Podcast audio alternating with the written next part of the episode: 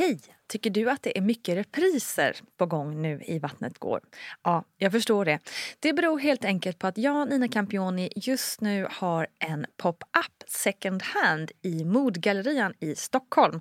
Så min tid räcker helt enkelt inte tid att göra så många avsnitt som jag hade önskat. Men tills jag är tillbaka på full tid, kom gärna och hälsa på mig i Modgallerian. Vi ses! Hej, hej, hallå kära vänner. Välkommen till Vattnet går, din gravidpodd i poddvärlden med mig Nina Campioni. Har jag sagt att jag är så himla glad och tacksam över att du lyssnar på den här podden ens? Ja, om inte eller om det var alldeles för länge sedan så säger jag det nu. Alltså det är helt otroligt att ni hänger med mig här. För jag menar, det finns så många poddar nu för tiden. Och många superbra poddar. Och ni ger mig och den här podden er viktiga tid. Så tack, tack, tack för det. Jag kan faktiskt inte önska mig bättre poddlyssnare. Så är det. Det är dags för en repris hörni. För precis som jag berättade med Britta Zackari i reprisen så har ju podden ett väldigt rikt arkiv av otroliga berättare och gäster som kanske många nytillkomna lyssnare helt missar. En kan ju liksom inte begära att man ska söka flera år bakåt i tiden när det hela tiden kommer nytt material, eller hur? Så därför kör jag då och då en liten repris. Och den här veckan är det dags för ingen mindre än Amanda Schulman att få berätta sin historia igen. Amanda berättar om chocken som kom snabbt efter att hon precis träffat sin nya dejt, den där Alex, ni vet. Hon berättar om förlossning på Gotland, helvetiska efterverkar och det där magiska knäppet. Gudrun Abascal är såklart också med på ett hörn. Och nu välkommen igen Amanda Schulman.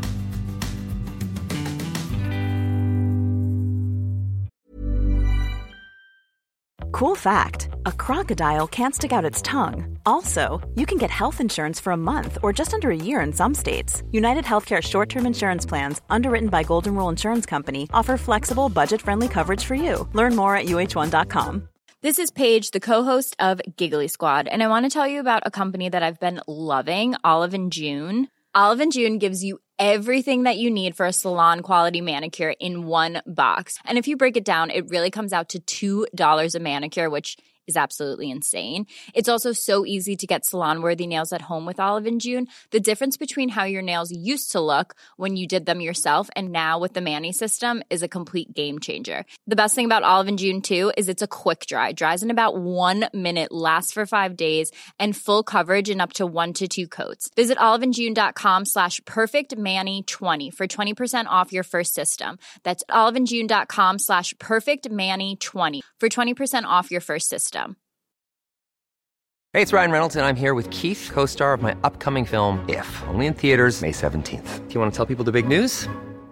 All right, I'll do it. Sign up now and you'll get unlimited for $15 a month in six months of Paramount Plus Essential Plan on us. Mintmobile.com slash switch. Upfront payment of $45 equivalent to $15 per month. Unlimited over 40 gigabytes per month. Face lower speeds. Videos at 480p. Active Mint customers by 531.24 get six months of Paramount Plus Essential Plan. Auto renews after six months. Offer ends May 31st, 2024. Separate Paramount Plus registration required. Terms and conditions apply if rated PG. Hey, I'm Ryan Reynolds. Recently, I asked Mint Mobile's legal team if big wireless companies are allowed to raise prices due to inflation. They said yes. And then when I asked if raising prices technically violates those onerous two year contracts, they said, What the f are you talking about, you insane Hollywood ass?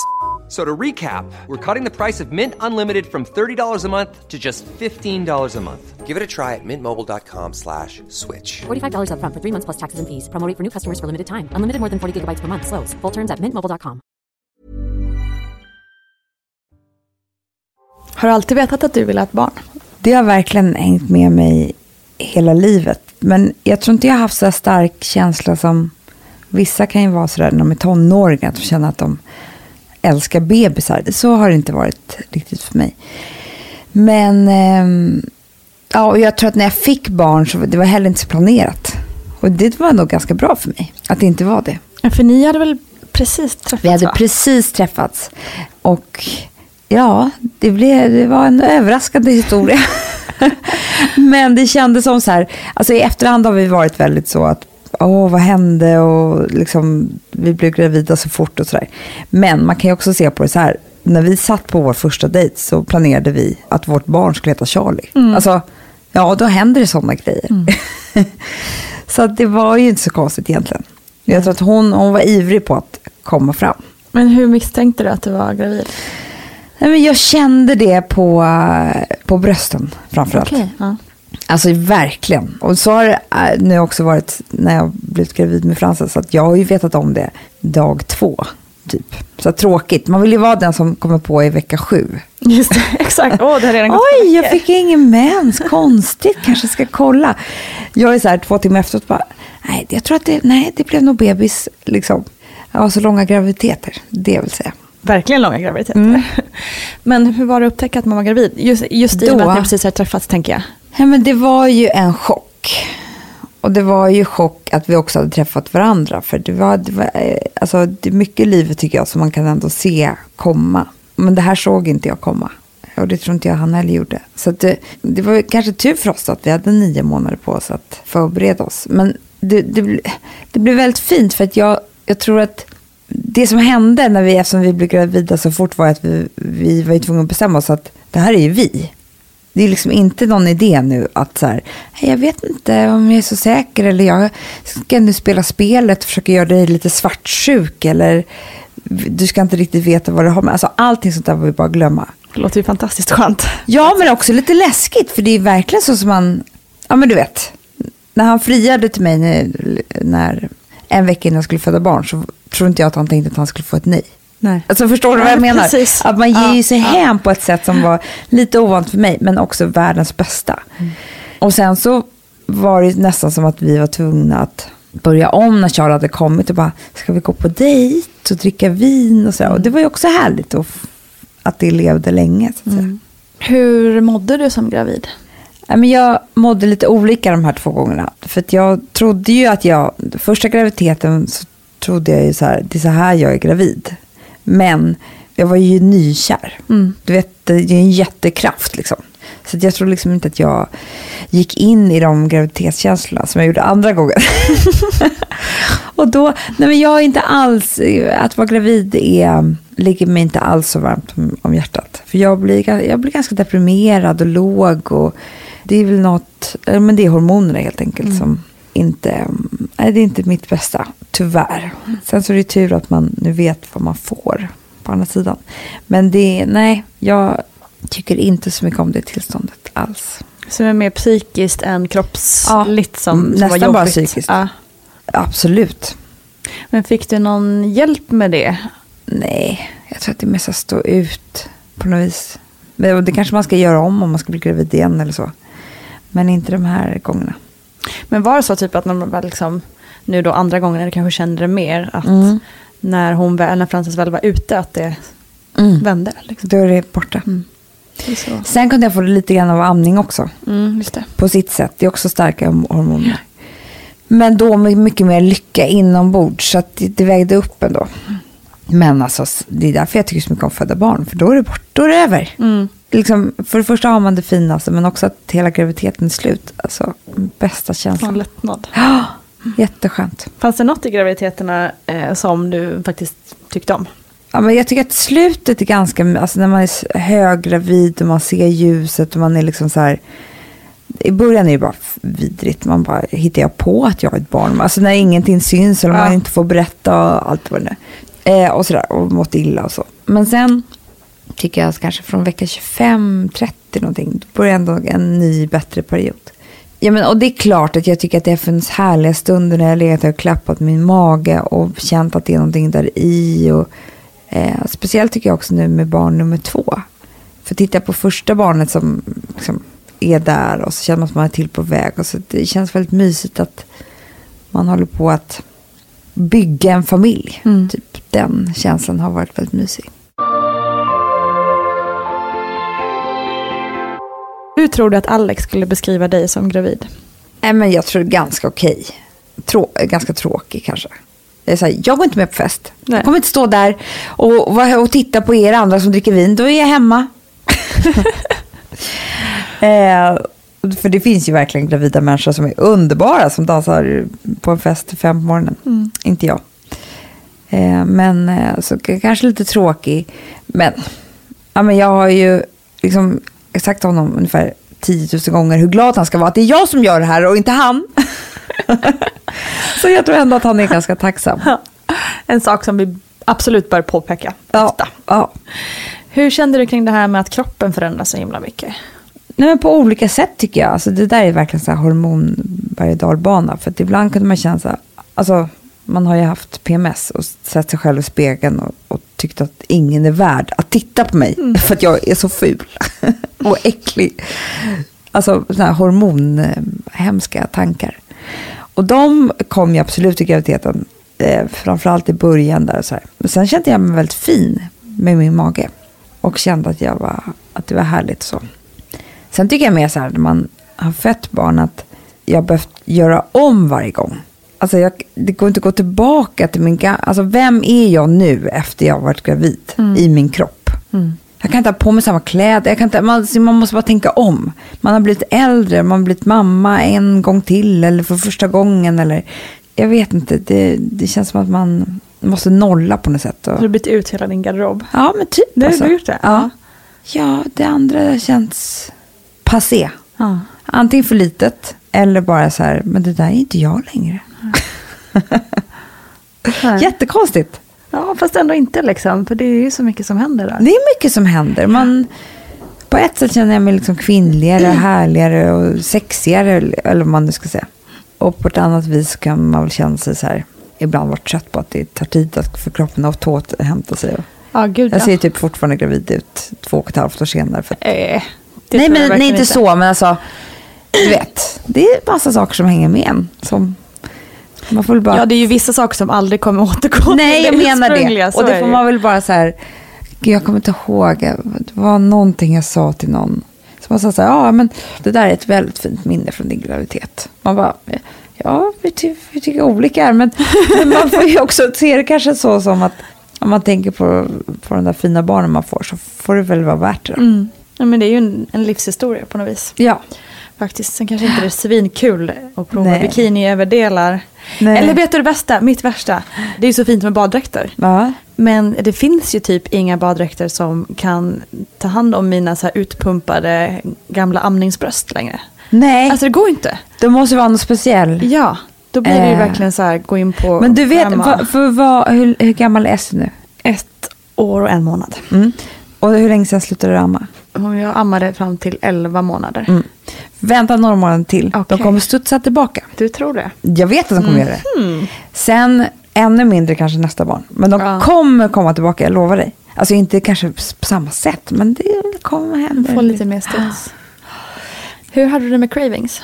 Nej, Cravings är bara ett stort enda påhitt tror jag. Åh vad kul, Det- berätta. Ja, men Vad jag tror så här, eh, man är ju jättehungrig. Och man har ju ingenting annat roligt för sig. Och så här, men du vet, det är så kul om de bara, ja, alltså jag har typ cravings på så prinsesstårta. Man bara, nej du tycker ju jättemycket om prinsesstårta och nu vill du äta det jättemycket. Alltså, ja, jag åt bullar tre gånger om dagen hela graviditeten. Men det är för att jag älskar bullar och bara tillät mig. Det skulle man ju kunna gjort idag Det också. skulle jag kunna gjort idag också.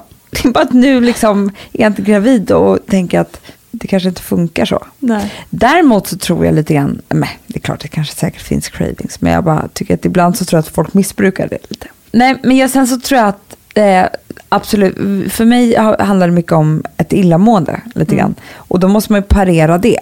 Och så då var inte jag sugen på allting. Jag kunde inte äta riktigt vad som helst. Jag åt ju, nu med Frances åt jag eh, sån här risgrynsgröt i korv. Jaha. Som man värmer upp. Jaha. Kall eller varm eller någonting. Varje, varje dag. Varje dag. till Varje typ. dag? Mm. Hur började du förbereda dig för förlossning? Eller om du förberedde dig alls? Nej, men första gången försökte man ju tänka hur det här skulle gå till. Jag tyckte det var rätt svårt.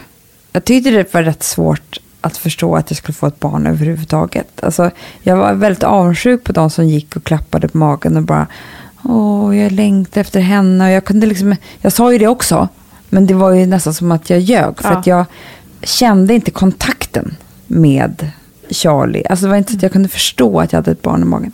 Men, och sen så förlossningen så tyckte jag också att det var svårt att för- förbereda sig. Och man skrev lite förlossningsbrev. Och, nej, jag tyckte det var jättesvårt. Förstod liksom inte. Eh, så, nej, jag tyckte inte jag förberedde mig så mycket. Var det samma med Frances? Ja, men då försökte jag ändå verkligen.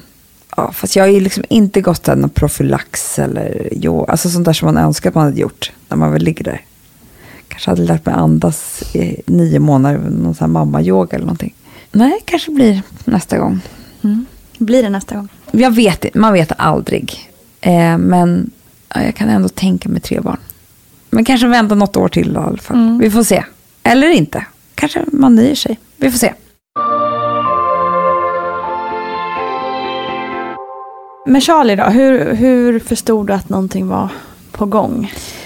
Eh, hon, jag hade för det första var helt säker på att jag skulle föda för tidigt. Okej. För jag hade haft väldigt mycket så förverkar och jag hade vid vecka 32 hade jag åkt in och trodde, men det är lite så här som man gör. Eller inte alla gör, men jag gör. och sen så, så att jag trodde liksom från en vecka innan hon kommer komma. Kom inte. Och sen så kom det den här dagen, alltså när hon skulle födas.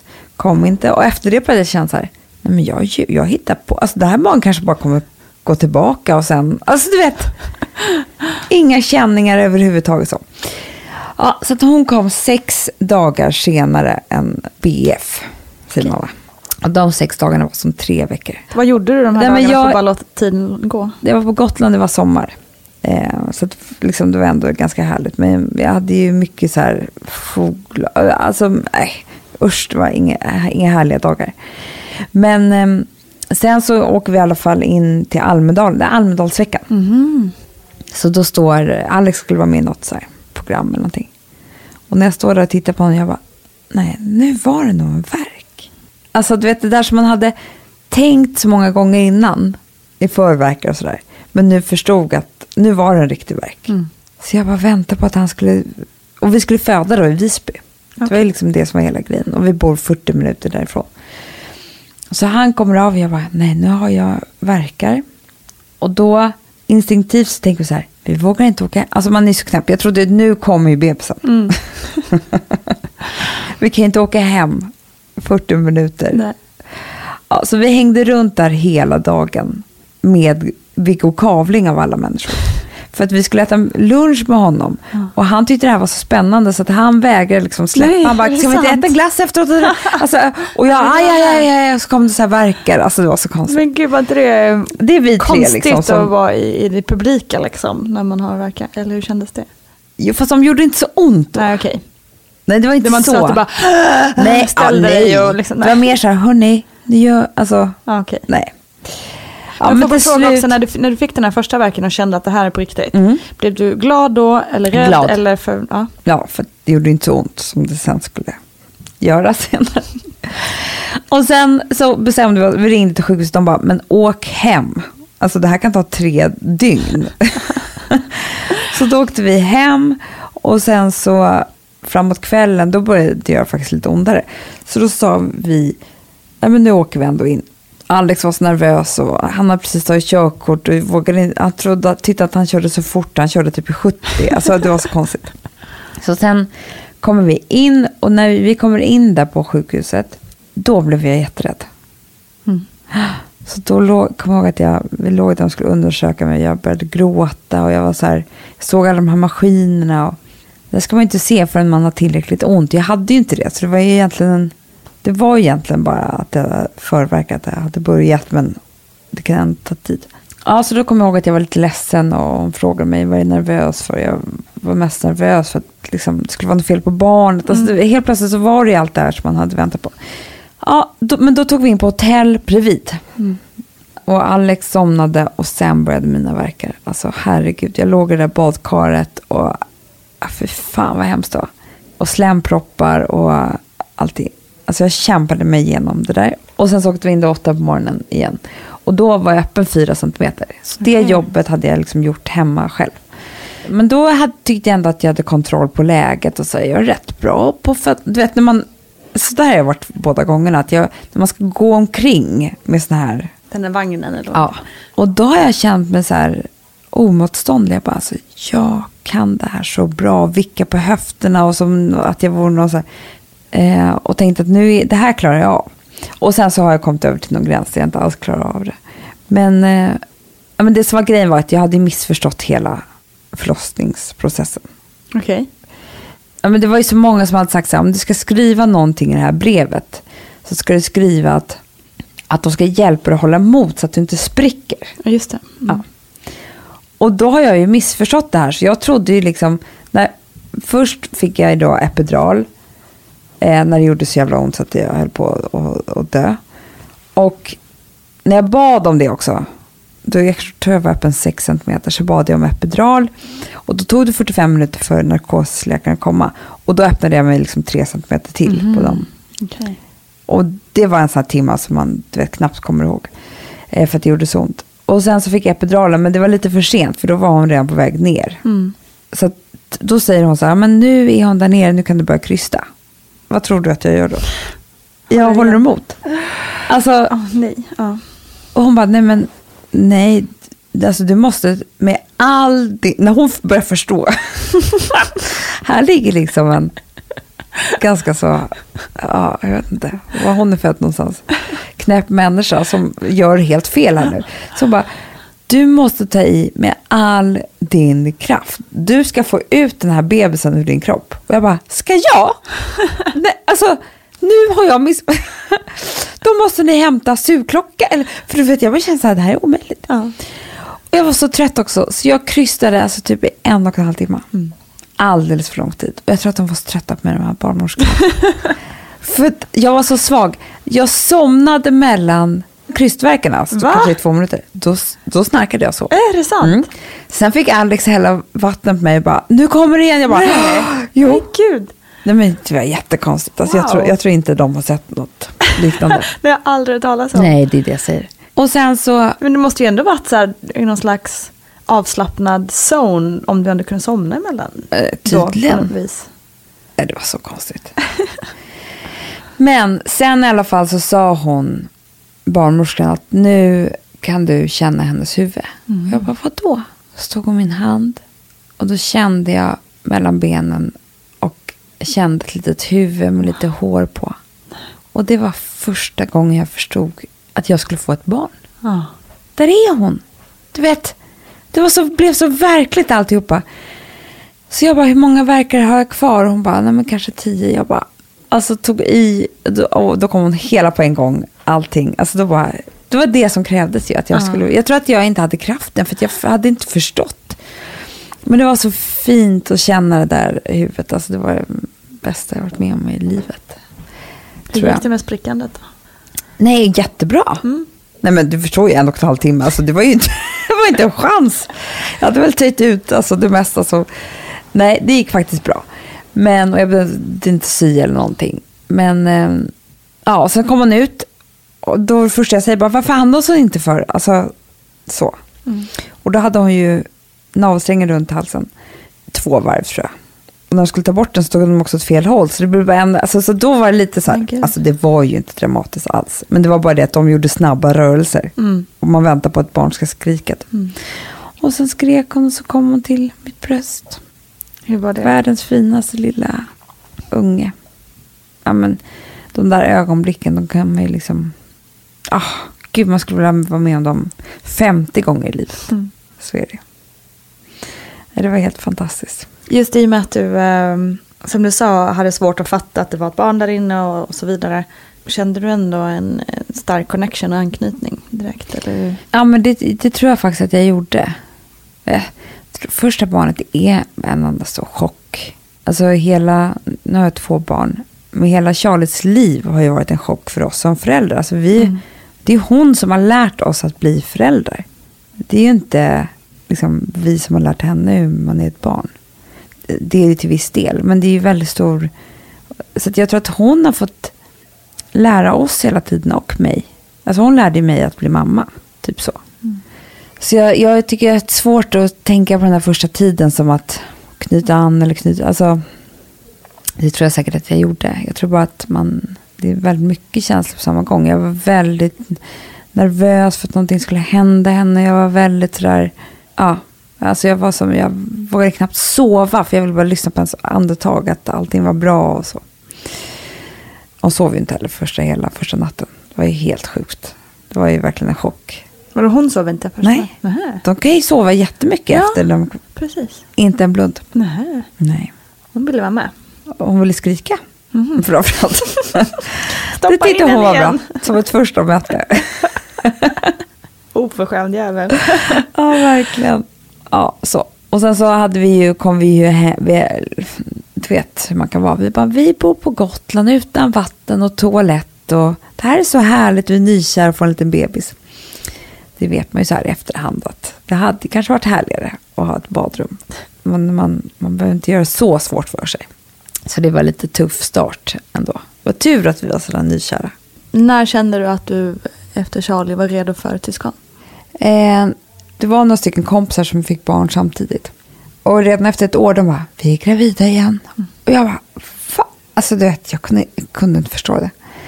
Och sen så när Charlie var drygt två, då bara kom det på en vecka. Jag bara, "Nej, men nu är jag redo. Nu är jag redo. Alltså det var så stark känsla. Och det är inget så här som du kan, varför det blev just då? Nej, eller? jag vet inte. Jag behövde den tiden tror jag bara. Hämta mig. Från chocken. Var Alex med på tåget direkt? Ja, men han vill ju ha 14 barn. Jag skulle vilja att jag var gravid jämt. Det är lätt för dem. Det är lätt för dem att säga, absolut. Simone är också sån. Bara, Jag vill ha ett fotbollslag. Bara, Ja, Du får ta det med någon annan. Ja, exakt. exakt.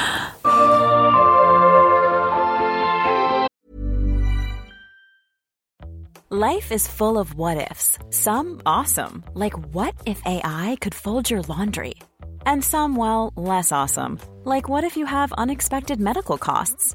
United Healthcare can help get you covered with Health Protector Guard fixed indemnity insurance plans. They supplement your primary plan to help you manage out of pocket costs. No deductibles, no enrollment periods, and especially no more what ifs. Visit uh1.com to find the Health Protector Guard plan for you.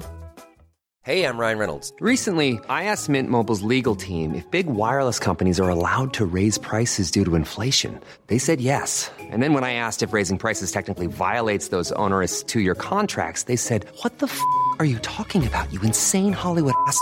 F- So to recap, we're cutting the price of Mint Unlimited from $30 a month to just $15 a month. Give it a try at mintmobile.com slash switch. $45 upfront for three months plus taxes and fees. Promo rate for new customers for limited time. Unlimited more than 40 gigabytes per month. Slows. Full terms at mintmobile.com. Hey, it's Danny Pellegrino from Everything Iconic. Ready to upgrade your style game without blowing your budget? Check out Quince. They've got all the good stuff shirts and polos, activewear, and fine leather goods, all at 50 to 80% less than other high end brands. And the best part? They're all about safe, ethical, and responsible manufacturing. Get that luxury vibe without the luxury price tag. Hit up quince.com slash upgrade for free shipping and 365 day returns on your next order. That's quince.com slash upgrade. Hiring for your small business? If you're not looking for professionals on LinkedIn, you're looking in the wrong place. That's like looking for your car keys in a fish tank. LinkedIn helps you hire professionals you can't find anywhere else, even those who aren't actively searching for a new job but might be open to the perfect role. In a given month, over 70% of LinkedIn users don't even visit other leading job sites. So start looking in the right place. With LinkedIn, you can hire professionals like a professional. Post your free job on linkedin.com/people slash people today. Here's a cool fact a crocodile can't stick out its tongue. Another cool fact you can get short term health insurance for a month or just under a year in some states. United Healthcare short term insurance plans are designed for people who are between jobs, coming off their parents' plan, or turning a side hustle into a full time gig. Underwritten by Golden Rule Insurance Company, they offer flexible, budget friendly coverage with access to a nationwide network of doctors and hospitals. Get more cool facts about United Healthcare short term plans at uh1.com. Ja, men det tycker jag vi bara hoppar rakt över på nästa. På nästa ja. Ja. Då hade jag haft den här hemska graviditeten och längtade så mycket efter henne. Och när man pratar om förlossningsbrev, då hade jag ju... Det jag hade skrivit den här gången var så här, peppa mig, var med mig, hjälp mig, liksom, verkligen. För jag, det var en så stark känsla att jag trodde att jag skulle behöva det. Typ så här, vi tar det som det kommer, smärtlindring och sånt. Men det som var så häftigt den här gången var faktiskt att vattnet gick, Okej. som på film. Ja, splash liksom. Eller? Det här, jag såg, det här var ju på natten. Ah. Det här, alla som, eh, när vattnet går på natten, är ju med om exakt samma sak. Och det här är ju helt sjukt. Var du med om det? Nej, mitt vatten gick men det var på dagen. Ja. Att man vaknar, hör ett knäpp och så går vattnet. Så du vaknar alltså en sekund innan. Vad coolt. Det är så coolt. Alla beskriver exakt samma sak. Så du vaknar inte att vattnet går. Du vaknar och så hör du knäppet och så tjuk. Gudrun Abascal, det är många som vittnar om att när vattnet går på natten, att man vaknar innan och så hörs det en knäpp och så kommer vattnet. Är det här en myt eller är det så? Och varför? Alltså myt tror jag inte, för att jag har träffat många kvinnor som säger att och så knäppte det till och så kände jag hur det började rinna. Sen om det var mitt i natten, det kan jag inte påminna mig att det, det ska vara. Men just det här knäppet kan nog eh, några kvinnor uppge, inte alla tycker jag, men, men ganska många säger det. Och det beror på att när vattnet går, barnet ligger ju i den här hinsäcken som är som en ballong. Och det är ju den här hinsäcken som går sönder och när den går sönder så kan det kanske kännas som en knäpp inne för att den ligger ju som klistrad mot livmodern, att det blir någon connection däremellan som gör att, att det känns på det här viset. Så jag väcker Alex och bara, vattnet har gått. Jag tyckte det var så coolt. Ja. Eh, så. Och sen eh, ringde jag Hanna som skulle komma över till hand om Charlie. För det är ju det också när man har till barn. Det här var jag jättenervös för. Mm. Det skulle gå fort och man skulle hinna barnvakt. Och, alltså. Mm. Samtidigt som jag också var så här hormonstinn och kunde börja gråta. Bara tanken på att Charlie skulle känna sig utanför. Vi skulle lämna bort henne. Ja, ja du vet, så, sånt där som man kan hålla på och gå och tänka på. Men den här gången var ni i Stockholm? Vi var i Stockholm. Mm. Och eh, det var sent på, i oktober. Hur långt in i graviditeten var det här? När vattnet... Det här var en vecka innan utsatt datum. Okay. Eller sex dagar innan tror jag. Mm. Och sen då, då så ringde jag in och de bara, nej men vänta här nu så kan vi se. Och det här kan verkligen, om folk som lyssnar och är gravida och undrar över det här. Skit i vad de säger på BB. Gör vad du vill och åk in om det är så. Det är liksom inte där tror jag man mycket mer ska lyssna på sig själv. För jag var så här, jag är inte hemma en sekund. Alltså verkarna hade ju inte kommit igång. Men jag var, hade så stark känsla av att jag ska inte vara hemma längre. Jag ska åka till sjukhuset. Mm. Och de var så här, nej men det kan ta ett dygn till. Nej, jag ska in nu. så vi åkte in. Och jag kan säga att det var väldigt tur att vi åkte in. För att hon var inte fixerad. Märkte de då först när jag kom in. Och då så var jag ju tvungen att ligga ner tills verkarna kom igång. För att det är jätte, om jag gick och kissade så var jag tvungen att komma och mm. göra ultraljud. För att de måste se så att inte navelsträngen kommer i kläm. Just det, det var samma för mig och Essie. Precis samma. Ja, mm. men förstår du om jag hade sant hemma då? Nej, exakt. Gått omkring och vaggat, hållit på liksom, mm. som man gör för att verkarna ska komma igång. Eller ja, ja visst. det kunde vara fara för livet. Mm. Alltså. Så jag är så glad att jag faktiskt lyssnade på mig själv. Mm. Och då låg jag där i en säng ja, men från tre på morgonen till kanske tio på kvällen, satt verk, äh, åtta på kvällen satte verkarna igång ordentligt på BB Stockholm. Och sen så började de samma känsla igen. Jag gick omkring och vaggade och bara, jag är så bra på det här och dansa mig fram liksom. så naiv. Eh, ja, men sen började jag också, sen gjorde det ondare och ondare. Jag satt på pilatesboll och det var akupunktur och det, då kunde jag bara känna så här, ta ut nålarna i mitt huvud, för de gör inte mig något gott. Gör mig starkare. Ja, men typ, det kanske är jättebra för många, men det var inget, inte så bra för mig. Och sen helt plötsligt så börjar det göra skit, skit, skit, skit ont. Det här är typ fyra på morgonen. Och då undersöker de mig och då är öppen tre centimeter bara. Mm. Jag bara, jag måste ha epidural. Och då ringer de efter narkosläkare. Sen sätter det igång. Och det är... Alltså, på 25 minuter efter det så var hon ute. Va? Så jag Från alltså, tre centimeter? Ja. Det är det värsta jag varit med om i mitt liv. Det var så hemskt. Och jag kände ju, alltså jag, jag, det är så roligt för det står i min eh, journal. Jag skrattar så mycket åt det. Narkosläkaren, han kom kanske 20 minuter efter då det var ringt. Narkosläkaren anländer till rummet, ser huvud i vulva, går. det är så roligt. Går. Ser huvud i vulva. Eh, nej men det var, alltså det var så hemskt, så hemskt, så hemskt på alla sätt och vis, tycker jag. Det gjorde så ont så att när hon kom ut så var jag nästan inte glad.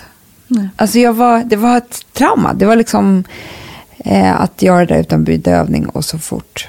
Mm. Jag kommer ihåg när jag åt den här frukosten som var så god första gången. Andra gången så grät jag när jag Och var så, jag är inte glad. Alltså jag var inte, alltså sekunden hon kom upp alltihopa, då var jag jätte, jätteglad.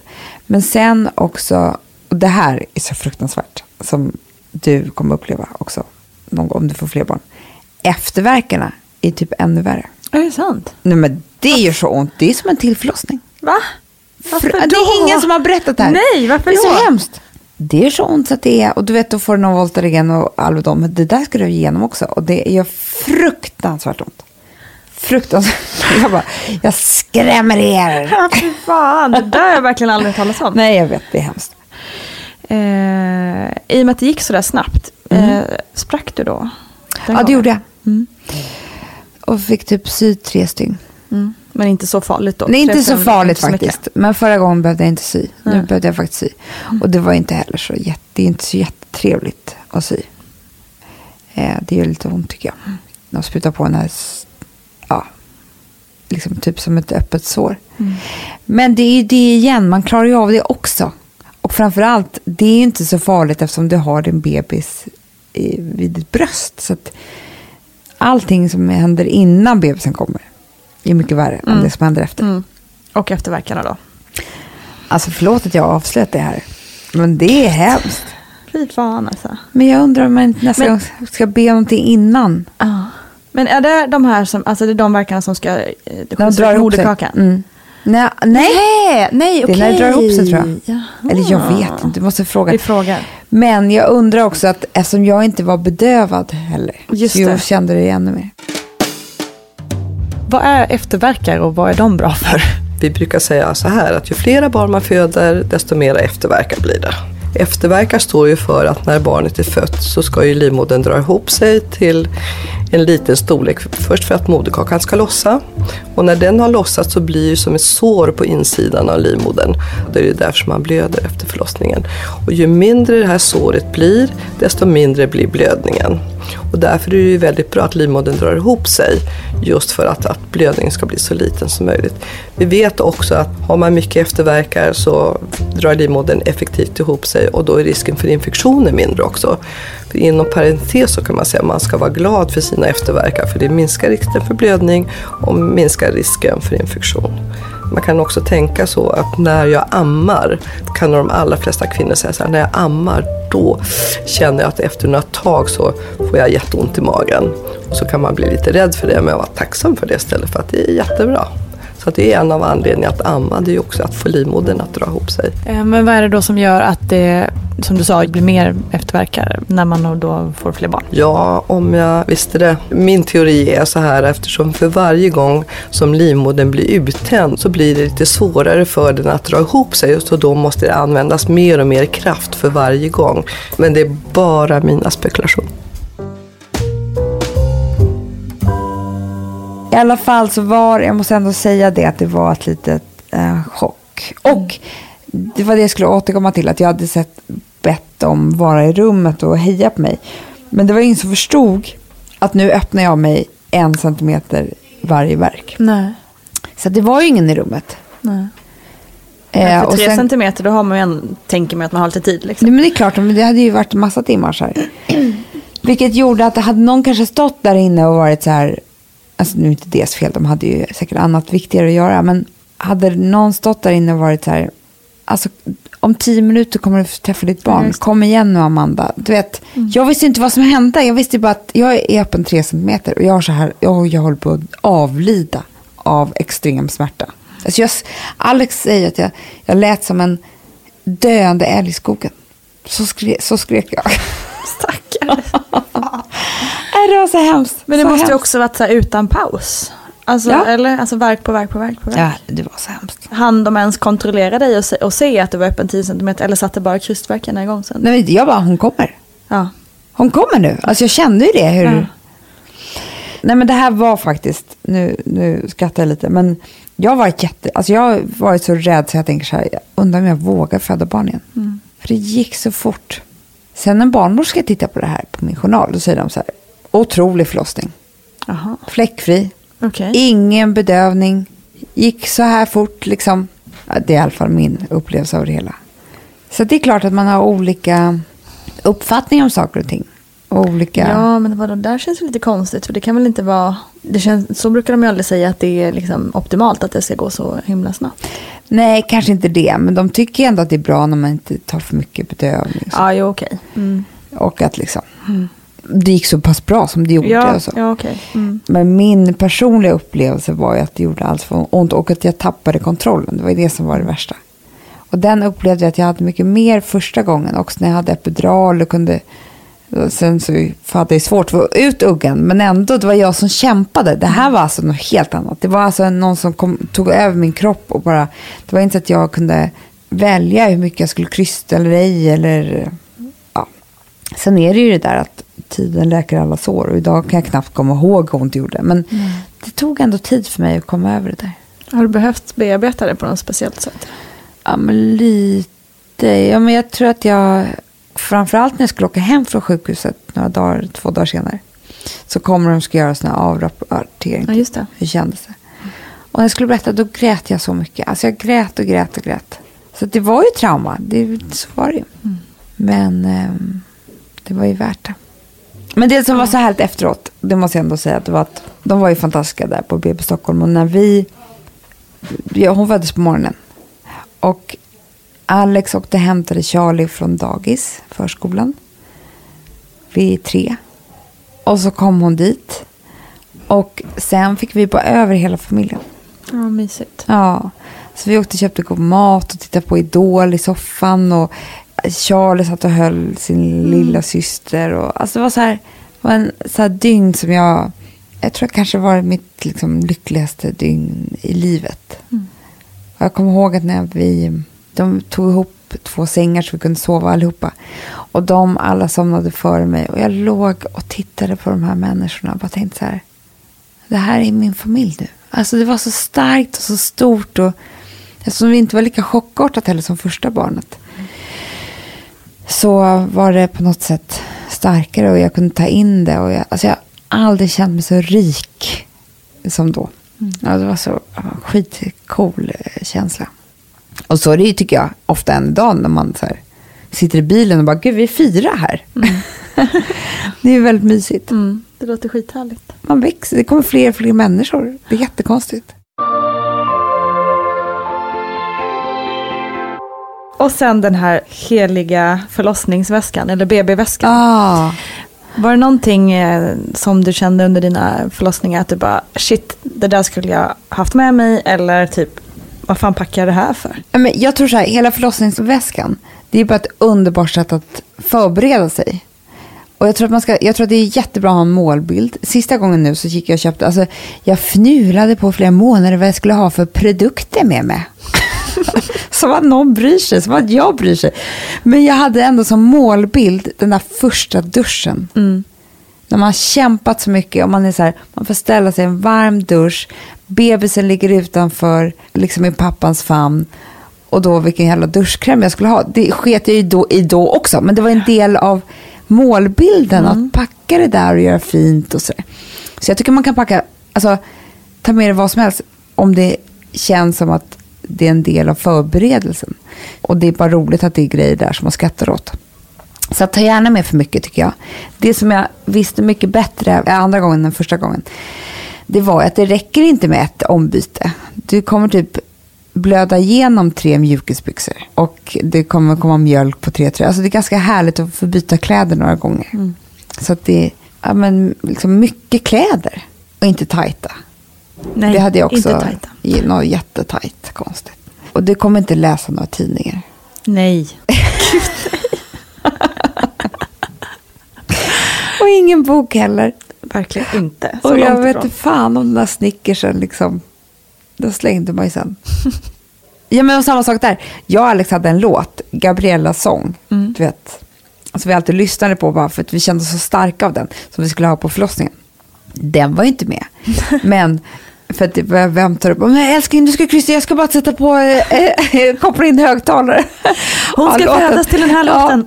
Nej men det var, det var inte så. Men däremot så tror jag att alla de där gångerna när vi lyssnade på den innan och planerade att den låten skulle vara med. Att det gjorde oss starka. Just det. Peppa liksom- inför. Ja men typ så. Om din kille snusar, ha med snus. jag tror Alex aldrig har snusat så mycket som, den här dygnen. Vad skulle du vilja säga till den som är på väg in och, och ska föda för första gången? Att inom väldigt, väldigt kort tid så kommer du få träffa den personen som du kommer älska mest av alla människor du känner. Det är sån ynnest att få vara med om det. Så att om man bara kan ha det som ett mantra. Det kommer göra ont. Det kommer vara lite läskigt. Det kommer bli, men det konstiga är att du kommer klara av det. Alla gör ju det. Mm. Det är ingen som är unik här. Eh, man klarar av allting där. Men ändå om det gör ont eller så, så ska man försöka tänka på det där att den lilla personen är där inne och den längtar efter att du ska bli dens mamma. Mm. Eh, vad vet du idag som du inte visste innan du blev mamma? Alltså, det är så mycket. Nej, men eh, jag vet ju vad som är viktigt för mig i alla fall. Jag vet att jag behövde ändra min personlighet ganska mycket, vilket var jättebra för mig. Mm. På vilket sätt då? Nej, men liksom rensa ut gammal skit och ta ansvar. Och, alltså, det går ju att leva på på ett sätt när man är själv. Men när man får barn så tycker jag i alla fall att man måste liksom finnas till för dem och vara det bästa för dem. Och det ville jag gärna vara. Jag ville vara en, en bra mamma. Så jag tyckte det var jättebra för mig att, att, eh, att det blev så. Det var väldigt härligt att leva för någon annan. Inte bara för sig själv. Det är en känsla som är väldigt bra. Som jag inte visste innan. Tack, tack kära du lyssnare som hängt med ända hit och tack igen till Amanda Schulman för att du ville berätta din historia för mig och oss. Du är såklart också välkommen till podden igen när som helst för att berätta om din tredje graviditet och förlossning. Nu tycker jag att du förtjänar en god lunch, en promenad, en god bok eller ja, vad som helst som är gött i livet. Tack för att du har lyssnat. Ha det bäst. Kram!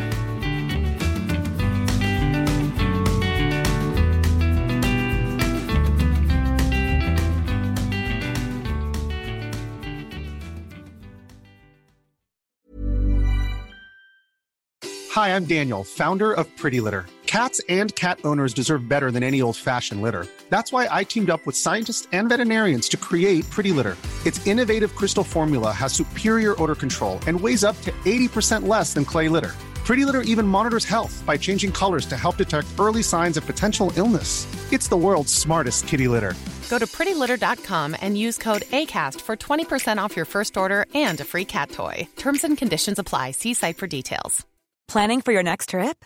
Elevate your travel style with Quince. Quince has all the jet setting essentials you'll want for your next getaway, like European linen, premium luggage options, buttery soft Italian leather bags, and so much more. And is all priced at 50 to 80% less than similar brands. Plus, Quince only works with factories that use safe and ethical manufacturing practices. Pack your bags with high-quality essentials you'll be wearing for vacations to come with Quince. Go to quince.com slash pack for free shipping and 365-day returns. Mom deserves the best, and there's no better place to shop for Mother's Day than Whole Foods Market. They're your destination for unbeatable savings, from premium gifts to show-stopping flowers and irresistible desserts. Start by saving 33% with Prime on all body care and candles. Then get a 15-stem bunch of tulips for just $9.99 each with Prime. Round out Mom's menu with festive rosé, irresistible berry chantilly cake, and more special treats. Come celebrate Mother's Day at Whole Foods Market. Hi, I'm Daniel, founder of Pretty Litter. Cats and cat owners deserve better than any old fashioned litter. That's why I teamed up with scientists and veterinarians to create Pretty Litter. Its innovative crystal formula has superior odor control and weighs up to 80% less than clay litter. Pretty Litter even monitors health by changing colors to help detect early signs of potential illness. It's the world's smartest kitty litter. Go to prettylitter.com and use code ACAST for 20% off your first order and a free cat toy. Terms and conditions apply. See site for details.